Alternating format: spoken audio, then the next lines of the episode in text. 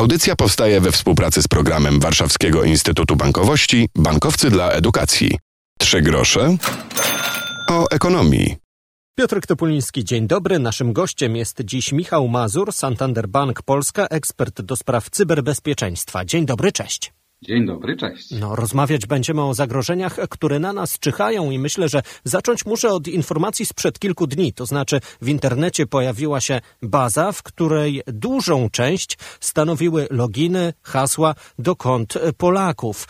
Widziałem, można dostać informacje choćby do kont na portalach z zakupami. Można się zalogować na czyjeś konto na uczelni. Jest to, wydaje mi się, poważna sprawa, zwłaszcza, że również reagował rząd i powiedział: sprawdźcie w naszej bazie, czy przypadkiem się tam nie znaleźliście. Co się stało? No cóż, no, y, komputery, nazwijmy to ludzi, były infekowane takim specjalnym, złośliwym oprogramowaniem, które potrafiło wykradać hasła, y, loginy użytkowników, które były zapisane w przeglądarce. Często pewnie korzystamy z takiego rozwiązania jak zapamiętaj hasło w przeglądarce. No i ktoś sobie mm, zbierał przez jakiś czas y, dłuższy te wszystkie dane, zebrał bardzo pokaźną bazę danych.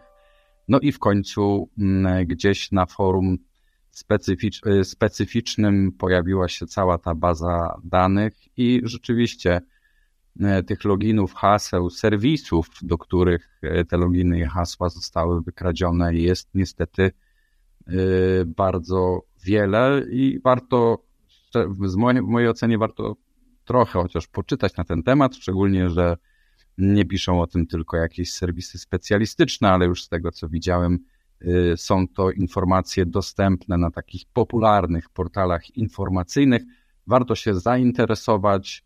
Y, może nawet warto sprawdzić, czy tam y, również moje dane nie, nie wyciekły, bo jeżeli wyciekły, no to jeżeli jeszcze nic nam się nie wydarzyło, czyli oszuści ich nie wykorzystali, to powinniśmy dbać o to, aby te nasze hasła zostały zmienione i przede wszystkim, żeby były trudne do odgadnięcia. Nietrywialne, nie, nie czerwiec 2023, tylko zdecydowanie, zdecydowanie trudniejsze. Wydaje mi się, że to mm, uczenie się y, tworzenia haseł to też jest lekcja, którą powinniśmy odrabiać. Są czasem podpowiadane przez przeglądarkę hasła długie, stworzone z takiego ciągu znaków. One również mogą być zapisane w przeglądarce, no ale okazuje się, że to też może być zgubne rozwiązanie. A są choćby też banki na hasła, to znaczy jedno miejsce, w którym trzymamy hasła i odbezpieczamy to miejsce na przykład odciskiem palca. To może jest e, bezpieczne rozwiązanie. To znaczy tak, no, jeśli chodzi o hasła, to jest temat dość trudny, ale też może nie kontrowersyjny, ale trudny dla ludzi, bo generalnie najlepiej by było, gdybyśmy mieli różne hasła do każdego serwisu, którego używamy, no ale kto spamięta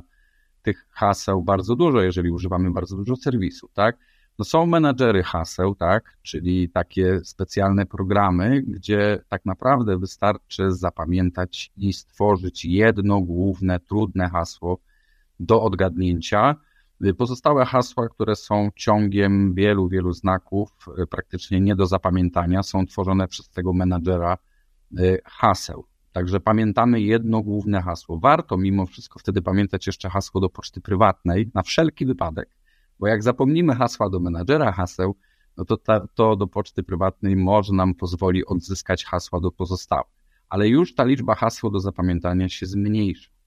Każdy element biometryczny, który pozwala nam zabezpieczać nasze dane, czy jest to odcisk palca, czy skan twarzy, y, czy cokolwiek innego zostanie wymyślone w przyszłości, to też jest bardzo dobre rozwiązanie. Ale też oprócz tych haseł, to pamiętajmy, że wiele serwisów daje element tak zwanego drugiego czynnika uwierzytelniającego, czyli wpisujemy hasło, to co znamy, oraz dostajemy kod, na przykład SMS-em albo w jakimś aplikacyjnym tokenie, który dodatkowo musimy wpisać, aby się zalogować. Co to znaczy? Jeśli oszust zna nasze hasło, ale nie ma dostępu do naszego telefonu na przykład, to ostatecznie nie uda mu się zalogować do danego serwisu, w którym mamy włączone dodatkowe uwierzytelnianie. Przewijam teraz aplikacje, które mam w telefonie, no i tam pojawiają się aplikacje bankowe również. One często są zabezpieczone w różny sposób. Przed chwilą powiedzieliśmy o tym dwustopniowym e, zabezpieczeniu i haśle, które musimy raz wpisać, później gdzieś potwierdzić i dzięki temu jesteśmy bezpieczniejsi. No ale taka sama aplikacja bankowa, na ile jest zabezpieczona przed cyberprzestępcami, którzy przecież mogą choćby podglądać zawartość mojego telefonu albo być może skanować to, co w tym momencie na tym telefonie przewija mi. Być może ten obraz im się pojawia, a aplikacja bankowa jest bezpieczna? Powiem tak. E, hm. Ja nigdy nie powiedziałbym, że coś jest w 100% bezpieczne, tak? Natomiast aplikacje bankowe są tworzone tak, aby były najbezpieczniejsze w możliwym stopniu. Oczywiście nie będę tutaj zdradzał kuchni, jak to bezpieczeństwo jest zapewniane, ale rzeczywiście aplikacja może być tak stworzona, że mimo tego, że oszust może mieć na przykład dostęp do naszego telefonu, to jest szansa, że do tej aplikacji mu na przykład nie uda się wejść. Natomiast oczywiście są, jest takie złośliwe oprogramowanie, które na przykład może powodować, że w momencie uruchomienia tej aplikacji tak naprawdę oszuści będą w stanie podstawić nam swoje ekrany, tak? No, które spowodują, że nam się będzie wydawało, że się logujemy do aplikacji, a w praktyce będziemy przekazywać informacje y, oszustom. Natomiast no, jeszcze raz podkreślam, warto korzystać z aplikacji mobilnych e, bankowych. Ja tu oczywiście myślę z perspektywy mojego banku, no bo tak jak mówię, te aplikacje są tworzone tak, aby były możliwie najbezpieczniejsze dla klienta, natomiast niezależnie od tego, jak bezpieczna będzie dana aplikacja, i tak finalnie bardzo dużo zależy od nas, od tego, co my e, robimy na telefonie, w co klikamy, jakie instalujemy aplikacje i tak dalej, tak? E, szczególnie, że mam nadzieję przynajmniej, że większość z nas albo wszyscy ściągamy aplikacje tylko ze sklepów z aplikacjami. Mówię oczywiście o telefonach. Tam prawdopodobieństwo, że pojawi się coś złośliwego jest na pewno mniejsze niż próba ściągnięcia na przykład aplikacji na telefon bezpośrednio ze strony internetowej. Ja generalnie rekomenduję szczególnie użytkownikom Androida, aby zablokowali sobie możliwość ściągania aplikacji bezpośrednio ze strony internetowej na telefon. Także dużo zależy od nas, dużo od banków, dużo od nas należy do tego wątku powracać cyberbezpieczeństwa, bo jest to też kwestia, na którą zwracają uwagę Polacy w badaniach dotyczących naszej wiedzy finansowej. Przed chwilą było choćby o próbie zabezpieczenia aplikacji, o rzeczach, o których powinniśmy pamiętać tak na co dzień, gdy korzystamy ze swojego smartfona. Mm, a to jeszcze może zapytam o te sieci publiczne. Kiedyś to był na to taki boom, że w każdej kawiarni mogliśmy się podłączyć pod Wi-Fi, a dzisiaj wydaje mi się, że wielu z nas ma na tyle e, duży pakiet internetu, że korzysta z tego swojego internetu bez konieczności podłączania się do sieci publicznych, bo te, tak słyszałem, mogą być e, też w pewien sposób niebezpieczne. Wiem, że to hasło to może być trochę takim sloganem niebezpieczne, bezpieczne, no ale e, lepiej się chyba tak przy publicznym Wi-Fi do swojego banku nie łączyć. No, tutaj y, trudno coś dodać do tego, co powiedziałeś, ale tak, to prawdą jest. No, korzystając z sieci publicznej, no nie wiemy, jak ona jest skonfigurowana, jak ona jest zabezpieczona. Prawdopodobnie większość z nas nawet tym za bardzo się e, nie przejmuje, ale rzeczywiście, jeżeli, nie wiem, jesteśmy na lotnisku, w kawiarni czy w hotelowym lobby, a chcemy sprawdzić e, swoją bankowość internetową, nie wiem, serwis, na którym nas, nam zależy, tak, czyli coś, gdzie trzymamy jakieś ważne dla nas informacje to biorąc pod uwagę to, te pakiety internetu, które teraz praktycznie każdy posiada, nawet za granicą, szczególnie na terenie Unii Europejskiej, ten pakiet też już jest w miarę pokaźny, no to jeżeli chcemy się zalogować tutaj do bankowości, do ważnego dla nas serwisu, skorzystajmy po prostu z sieci telekomunikacyjnej, która na pewno jest bezpieczniejsza aniżeli y, dostępnie, dostępne publicznie sieci Wi-Fi. Ja taką bym tutaj rekomendację przekazywał naszym słuchaczom. Okej, okay. to może powoli kończąc naszą rozmowę, ale to też jest wątek, który warto omówić. czemu my się tak łatwo dajemy? Nie ma tygodnia, miesiąca bez takiej informacji, że ktoś zadzwonił do kogoś, powiedział o transakcji bankowej, którą należy teraz potwierdzić, należy program ściągnąć na swój komputer i tam już bank tam zrobi coś za nas. No i później się okazuje, że ktoś traci oszczędności swojego życia. Może też o tym opowiedzmy. Kiedyś się mówiło tam metoda na wnuczka, a dzisiaj okazuje się, że wnuczki to mają komputery i ściągają programy, które są pulpitami zdalnymi. No cóż, no, czemu dajemy się nabrać? No, jesteśmy tylko ludźmi, tak?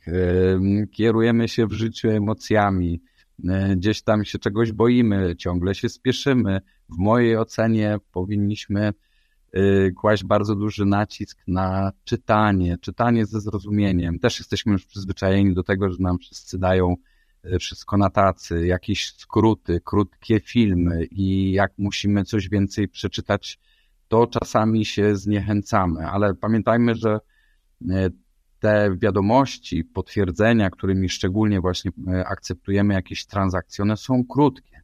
Czytajmy je, sprawdzajmy, co my właśnie potwierdzamy.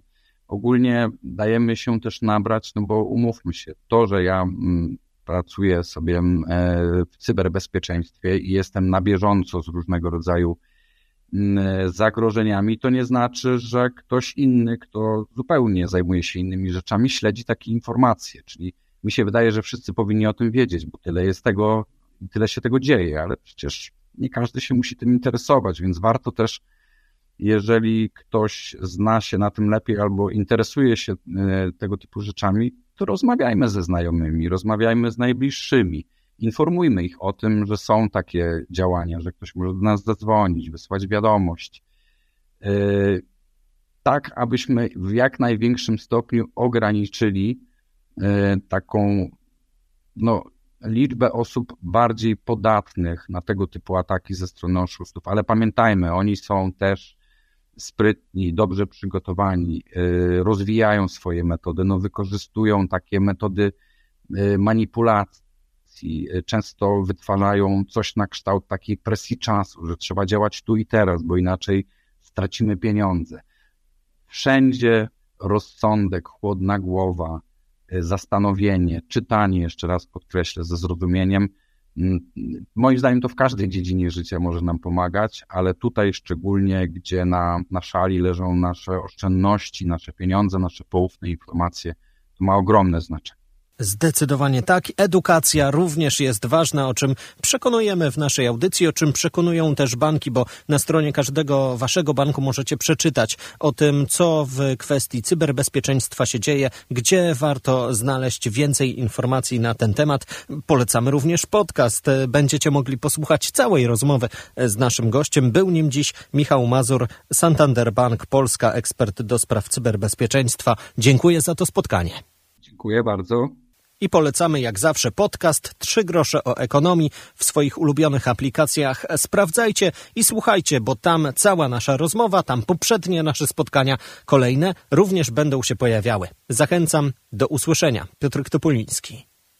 Audycja powstaje we współpracy z programem Warszawskiego Instytutu Bankowości Bankowcy dla Edukacji.